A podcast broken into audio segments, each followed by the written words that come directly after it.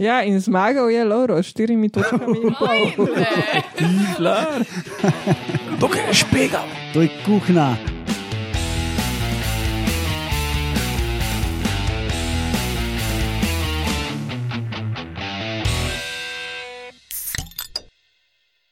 Lepo zdrav, poslušate 52. oddajo Metamorfoza, to je podcast o biologiji organizmov, ki vam jo predstavimo skozi lahkoten pogovor o pivu.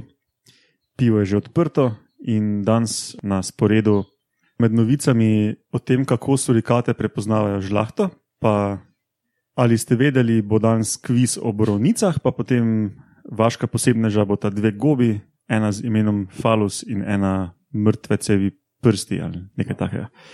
Um, To bomo danes predstavljali Alenka in Laura Rozman, zdravo, Živa. Živo. Roman Luštrik Ja. in Urša Fležar. Živim. Jaz še nisem bil omenjen v novicah. ali? Uh, ne, zato ker Ker imamo danes snemamo dve oddaji, pa štiri druge oddaje. No, pa če smo že, ja, pa jaz, Matjaš Gregorič. Ne? Uh, in če smo že pri tem, povemo še, kdaj to snemamo. Na današnji dan, leta 1869, se je rodil Hans Spearman, brez reja, čeprav sem tako izgovoril. Um, nemški embriolog, ki je dobil Nobelovo nagrado za odkritje poteka embriogeneze. Um, odkril je, kako se v zarodku celice formirajo v posamezna tkiva in organe. In na današnji dan, leta 1991, se je začela slovenska osamosvojitvena vojna, oziroma tako imenovana desetdnevna vojna. Se pravi, Spearman je preučeval, Špeman, je preučeval embriologijo, kako aptno. Sam za kuhal. so ni sperman. Ja.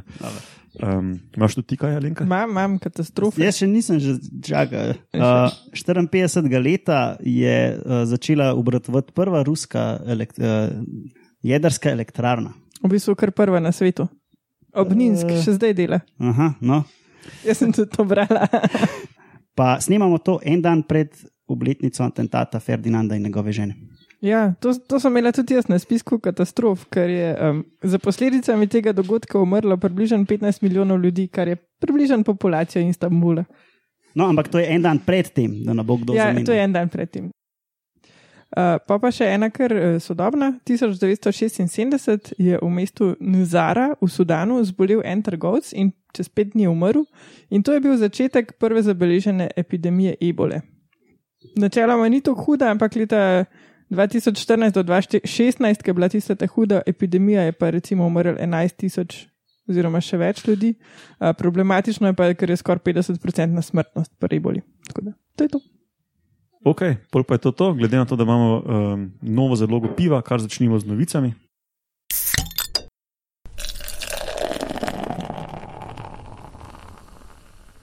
Ja, danes sem jaz prva in sem čist živčna in zapiske imam tako izčrpne, da sem mogla zožati robove na ašter listu, ki sem si printala.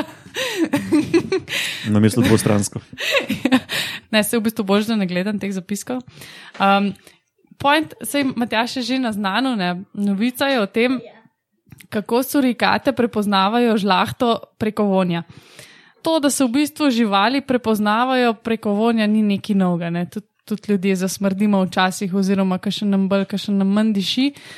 Je pa zanimivo pri tej novici, da so se res izčrpno in z, z nekimi dokaj sofisticiranimi in novimi metodami lotili, kako se po vonju prepoznavajo te. Pripadni, te mali uh, žužkojedi, pripadniki družine Mongus, kako to sploh ponaša? To so te kunice? Te kunice, nekaj tasga. Skratka, surikate, to so uni, mirket, mirket. Uh, živali iz jih vsi poznate, no, na zadnjih. Ja, skratka, so se lotili, um, to sem povedala, z sofisticiranimi metodami, preučevati, kako se po vonju prepoznavajo surikate. Se pravi, kako one ta von uporabljajo. Najprej, da razložim. Neke posebne žleze imajo zadnji priti in potem jih tako pacajo na pač neke strukture. So to neke skale, kamni ali so to neke rastline, kakorkoli. In potem, seveda, pač naslednja surikata pride do tega, povoha in še sama napaca gor ta svoj von. Ne? Mm, in ko povoha, v bistvu s tem prepozna eno, ali je to bil samca, samica, drugo, ali je bil to pripadnik njihove skupine oziroma družine. Um, In potem, glede na to, tudi samo oni na tak način pa tudi označujejo teritorij, oziroma si sporočajo, komunicirajo, aj kašna godna ne, in, in tako naprej. Mm, No, skratka, in kar je posebnega pri surikatah in njihovem vonju je to, da so za ta specifičen von posamezne surikate odgovorne bakterije, ki so v, temu, um, v tej pasti, kot jo poimenujejo znanstveniki, ne? oziroma te raziskovalci, ki so preučevali in sestavo in, in um, individualni podpis praktično prek tega vonja. Um, in noter so najdel preko tisoč različnih vrst bakterij. Pri vsakem, naprimer, v posamezni surikati, plus še ostale neke alkohole in ostale spojine, in so zaključili, pač, da dejansko bakterije so tiste, ki poskrbijo za nek individualen uh, von in da tudi pri človeku včasih sicer tako ne, ampak um, to je bilo pa. To je bilo pa tukaj pač to great, uh, groundbreaking message. Ja, sem da pri nas s tem vonjem bolj, ker ne skrit papir, samo označujemo. no, Ti še balon- očitno nisi bila pri nas v Vajti, ki grejati na vici. ono vse označi. Sicer ne kontaktom, ampak Mimo grede, zadnjič sem poslušal intervju z, jaz se pa ne spomnim, katerim slovenskim mikrobiologom, ki je povedal, da tudi pač ljudje si prenašamo bakterije ne, um, en na drugega in da daleč največ bakterij si prenesemo iz rektuma, iz riti. ne. Um, Čisto zato, ker jih je toliko ogromno v debelem črevesu, ne, pa da pač z neko odmrlo kožo, pa to pač padajo na oblačila, na hlače, pa tako, pa gre to v zrak. Ne. Je Bistveno več kot s pluvanjem ali pa Se pravi, to plavo kožo. vse posod okolne. Očitno je. Ja. Vse vemo po vseh svojih prijateljih in družini. Smo povedali, se pravi, glavni take home message te študije je bil, da ta keen recognition, ne se pravi prepoznavanje žlahte, ni na genetski bazi, ampak pač prek bakterij. Ja, se pravi, niso to neki proteini ali pa nekaj, kar bi telo samo proizvajalo na, pač na, na podlagi genov oziroma genetskega zapisa, ampak je to dejansko nek ta koktejl bakterij, ki so v tej pasti, ki jo proizvajajo žleze za, za von. ne. In a, a to imajo pa recimo ti klani, en klan ima podobno to Ja. mikrofloro in eh, pol. Ja, oni si bolj, eh, bolj se med sabo in zelo so socialni surikate ne, in bolj se med sabo oni in grumajo, se pravi, uh, negujejo, ne, dotikajo, Anusov. vohajo. Ja, vse, vse, ne, pač kakorkoli. Ok, preden gremo na ali ste vedeli, še ena zaostala novica. In to je novica, ki govori o novem fosilu ptičem podobnega dinozaura iz 98 milijonov let starega jantarja. To pa je res stara novica. Gre za skoraj v celoti ohranjenega mladiča ene izumrle linije zobatih ptičev ali ptičem podobnih dinozaurov po imenu Enantoirine. In če vas zanima, kakšna nova spoznanja o evoluciji perja in letenja je prinesel ta fosil, fosil pa link v zapiskih. Ok, zdaj pa na ali ste vedeli.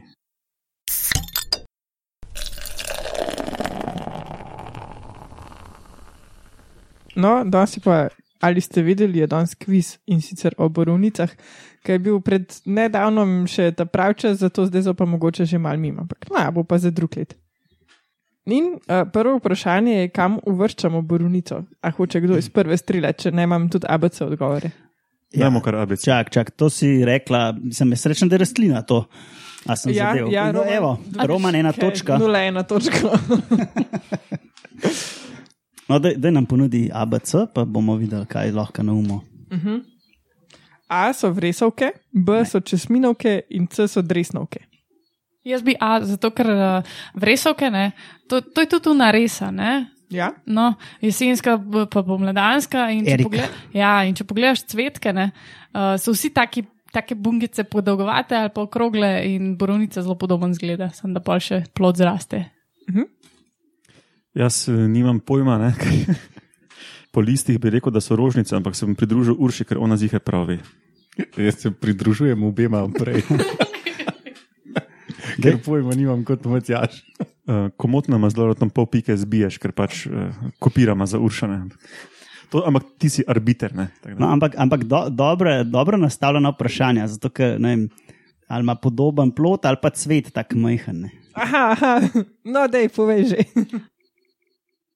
Ja, vres, vresovke so seveda, tako kot uh, rododendron, ki se mu po slovensko reče sleč, Pa pri nas raste tudi recimo alpska azaleja, pa Urša je že omenila spomladansko reso, pa jesensko v reso. Da, Če je pa kaj Roman sploh odgovoril? ne, mislim, ja, rekel je, da med rastline spadajo. Okay, torej. Tako da Urša dobi eno točko, vidva dobita pol pike, a ne, ker sta si sama eh, rekla, da dobita pol pike. Tako da, no, ok, zdaj, zdaj približno vemo, kje žlahta so, pa eh, se bomo mal posvetili temu zanimivemu latinskemu imenu, ki se je- po latinsko se reče Vaccinium myrtilis. Uh, Vaccinium naj bi izhajal iz latinske besede za jagodo, ki je baka. Sicer ne vem, kako so pa to izpeljali, ampak je, da je tako. Uh, vrstno ime je pa dobila po mirtilinu. In zdaj vas sprašujem, kaj je to? ABC? A bi kdo ustrelil? Kakšno barvilo to? O, Roman iz prve. Evo, Roman dobi eno piko, vsi ostali pa nič, tako je pač. Oh, banda. No, uh, mir, mirtilin to je barvilo, ki spada drugače med antocijane in daje, antocijani dajo te modre, vijolične in roza barve. Je pa zanimivo, da mirtilin najdemo čisto v vseh zelenih rastlinah, ampak glih borovnica ima po njemu ime. Uh, no, iz tega rodu, rodu pa pri nas rastejo še vrste kopišnica pa brusnica.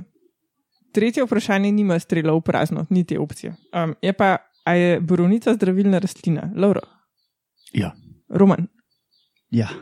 Urša. Definiraj zdravilno. Liker se da iz njih delati, kaj še rabaš vedeti? To je bilo moje podprašanje. Ali Matjaš, rastlina kot sama ali kak pridelek iz.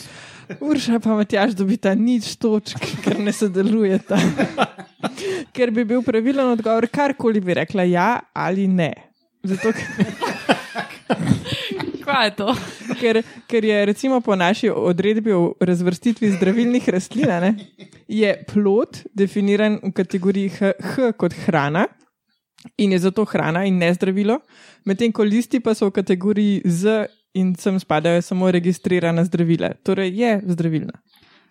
Ja, tako da, kar bomo zdaj naprej povedali, je for entertaining purposes only. Ne? Da ne bi kdo se šel samo zdraviti na podlagi informacij, ki se jih bomo tle zmislili. Okay, no, zdaj naslednja je tako, kdo bo bližji. Vprašanje je pa, kdaj se prvič omenja uporaba borovnic. Matjaš, eno številko se zmisli. Aha, tu ni ABC zdaj. Ne, ne, kdo bo bližje? Ja, uh, to, to moraš, kdo je bližje tiste letence? ja. Uh, PS pred našim štetjem. Urša? Se pravi, jaz mislim, da je uh, 200 pred našim štetjem. Roman? Ha, a so v Grči imeli borovnice? Uh, pa, ja, mogoče je kakšen plin ali kaj tasga že omenjal. ne vem. Ja, sto pred našim štetjem. Lauro?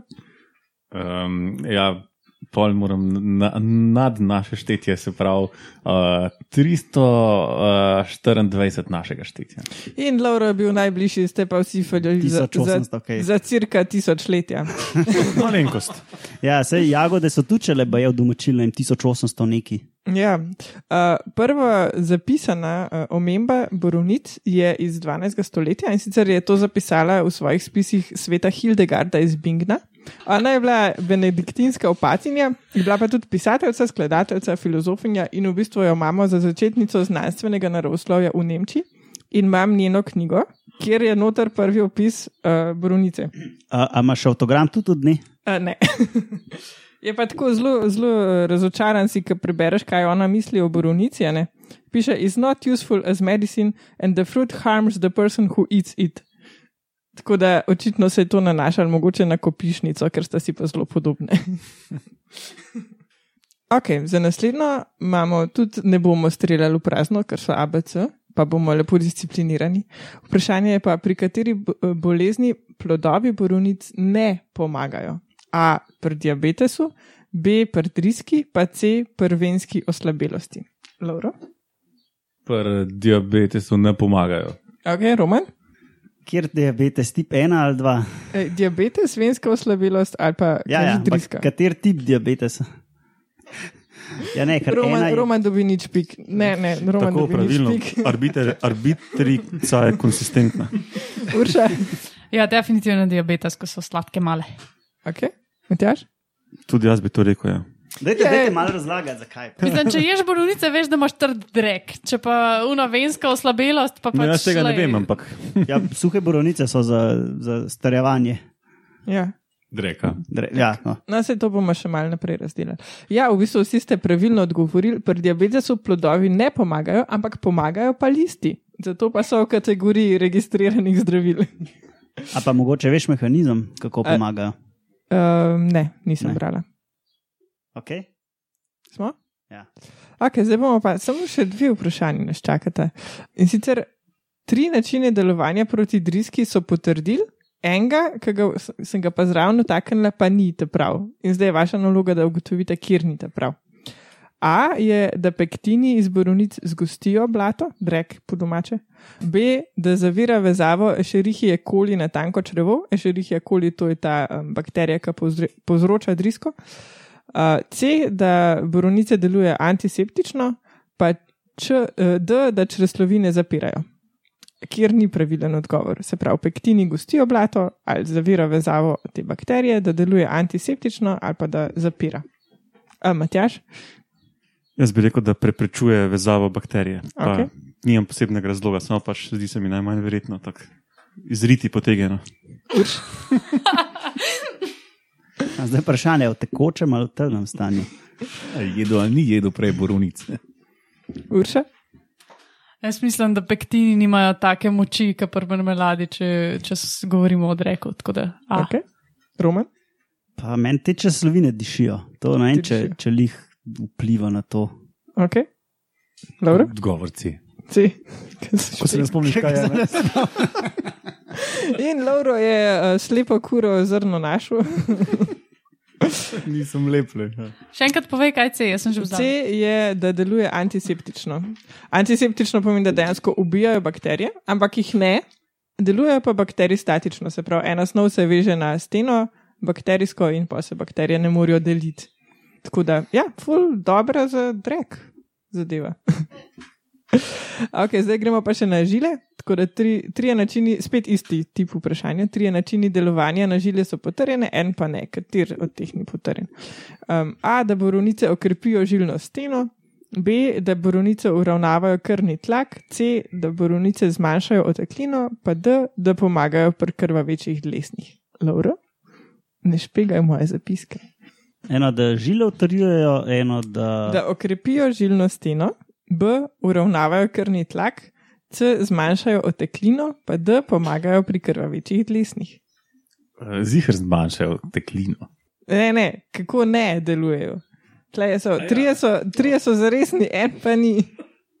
Odgovor A. pol. Ok, Roman. Pa ti dlesni, tako malo ven tu duh, uh, butajo. Okay. Reč pa, n- pf, ja, recimo ta zadnja. Urša? Ajde, recimo, da ne vplivajo na pritisk. Ja, Matjaš?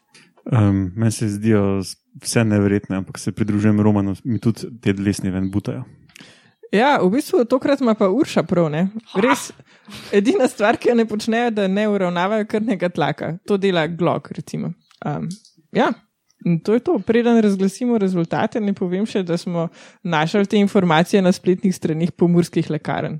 Tako Da, da boste vsaj vedeli, kaj jeste. ne?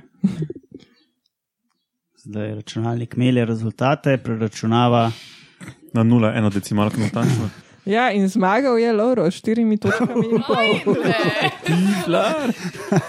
Tukaj je špegal. To je kuhna, kuhna ti povem. Definitivno in to moja. Sledi Urša s tremi točkami, pol je Roman z ena- 2,1 točko in Matjaž z eno točko in pol. Zdaj, v- čast temu kvizu bomo z borovničkami nazdravili po snemanju. Ne? Ok, potem pa si nalimo pred borovničkami nov glas piva, pa gremo na vaše posebneže.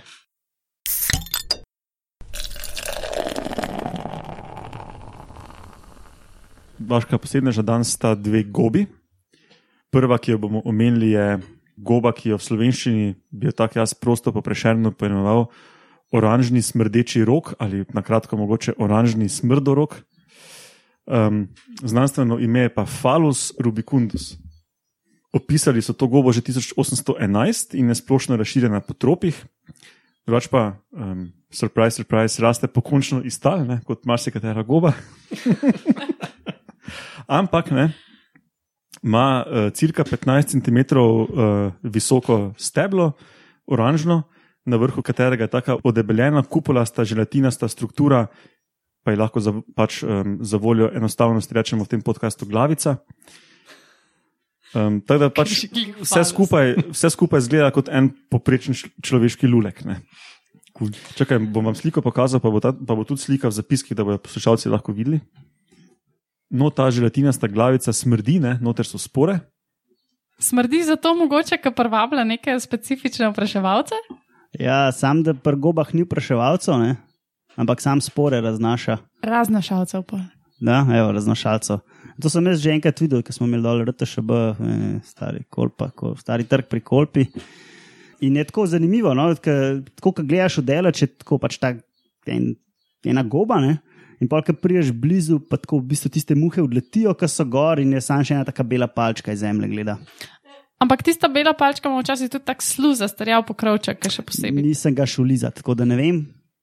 Um, če si pa ti, pa dobro zate. No, kakorkoli že. Seveda, ljudje vse, kar je falične oblike, tudi uporabljamo. In uh, v eni provinci v Indiji, domorodna, ena, dva domorodna plemena temu, temu pravijo jihiri pihiri in uh, jih uporabljajo za zdravljenje trebušnega tifusa in lajšanje porodnih bolečin. Pa aboriženi bi naj to uporabljali kot afrodizijak. Valjda, ne? Čudi me samo, da Kitajci tega še ne uporabljajo. Pri nas se tudi to uporablja, puhane. Kje je to te Maurehe. Ma, maurehe? Pri nas se vse spuha, se veš. Eh, No, drug, eh, druga gobasta, drugi gobasti posebnež je pa gliva po imenu Xilaria polymorfa, angliško Dead Man's Fingers ali pa nemško Filgestaltihe Holzkeule. Iz, vsaj iz nemščine bi to lahko prevedli v večoblični leseni ki, ali pa jaz bi temu raje rekel večoblična barungla. Tudi to bo slika v zapiskih, uh, zdaj jo glih kažem mojim sovoditeljem. Zakaj se temu reče Dead Man's Fingers? Ne? Pa še Ja, malo so po, po, porezani. Ja, um, Je kar je mrtev, nek so ga mučili prej. Mene spominja na nageljno žbico. Ja, res, jaz pa vidim korale, recimo v tem. no, raste na odpadlem gnijočem lesu ne? in um, telo, ta vegetativni miceli, um, tudi šteli iz tal ne? in je pač tako polimorfen, ne? Ve, več obličen in pogosto pač izgleda kot take ene hecne male um, rokice s poštucanimi prsti. Neimenovanih um, ameriških predsednikov. Ko pa sem. ja. Če pa pogledaš malo več slik, pa tudi pogosto samo zgleda kot nek čuden kup dreka. No? Tako pač ta neka rjava polimorfna zadeva. A tudi ustrezno smrdijo, če smo že glih pri takih smrdečih. Kot roke mrtvega moža. Ja. Um, to pa ni pisalo tam, ko sem jaz to bral, tako da ne vem. Če zgleda, kad rek pol zna tudi tako smrdeti. Če zgleda kot drek, smrdi kot drek, pa ima okus kot drek, polje durian. Za tiste, ki ne vejo, to je vzhodnoazijski sadež, ki je acquired taste in res ni dober.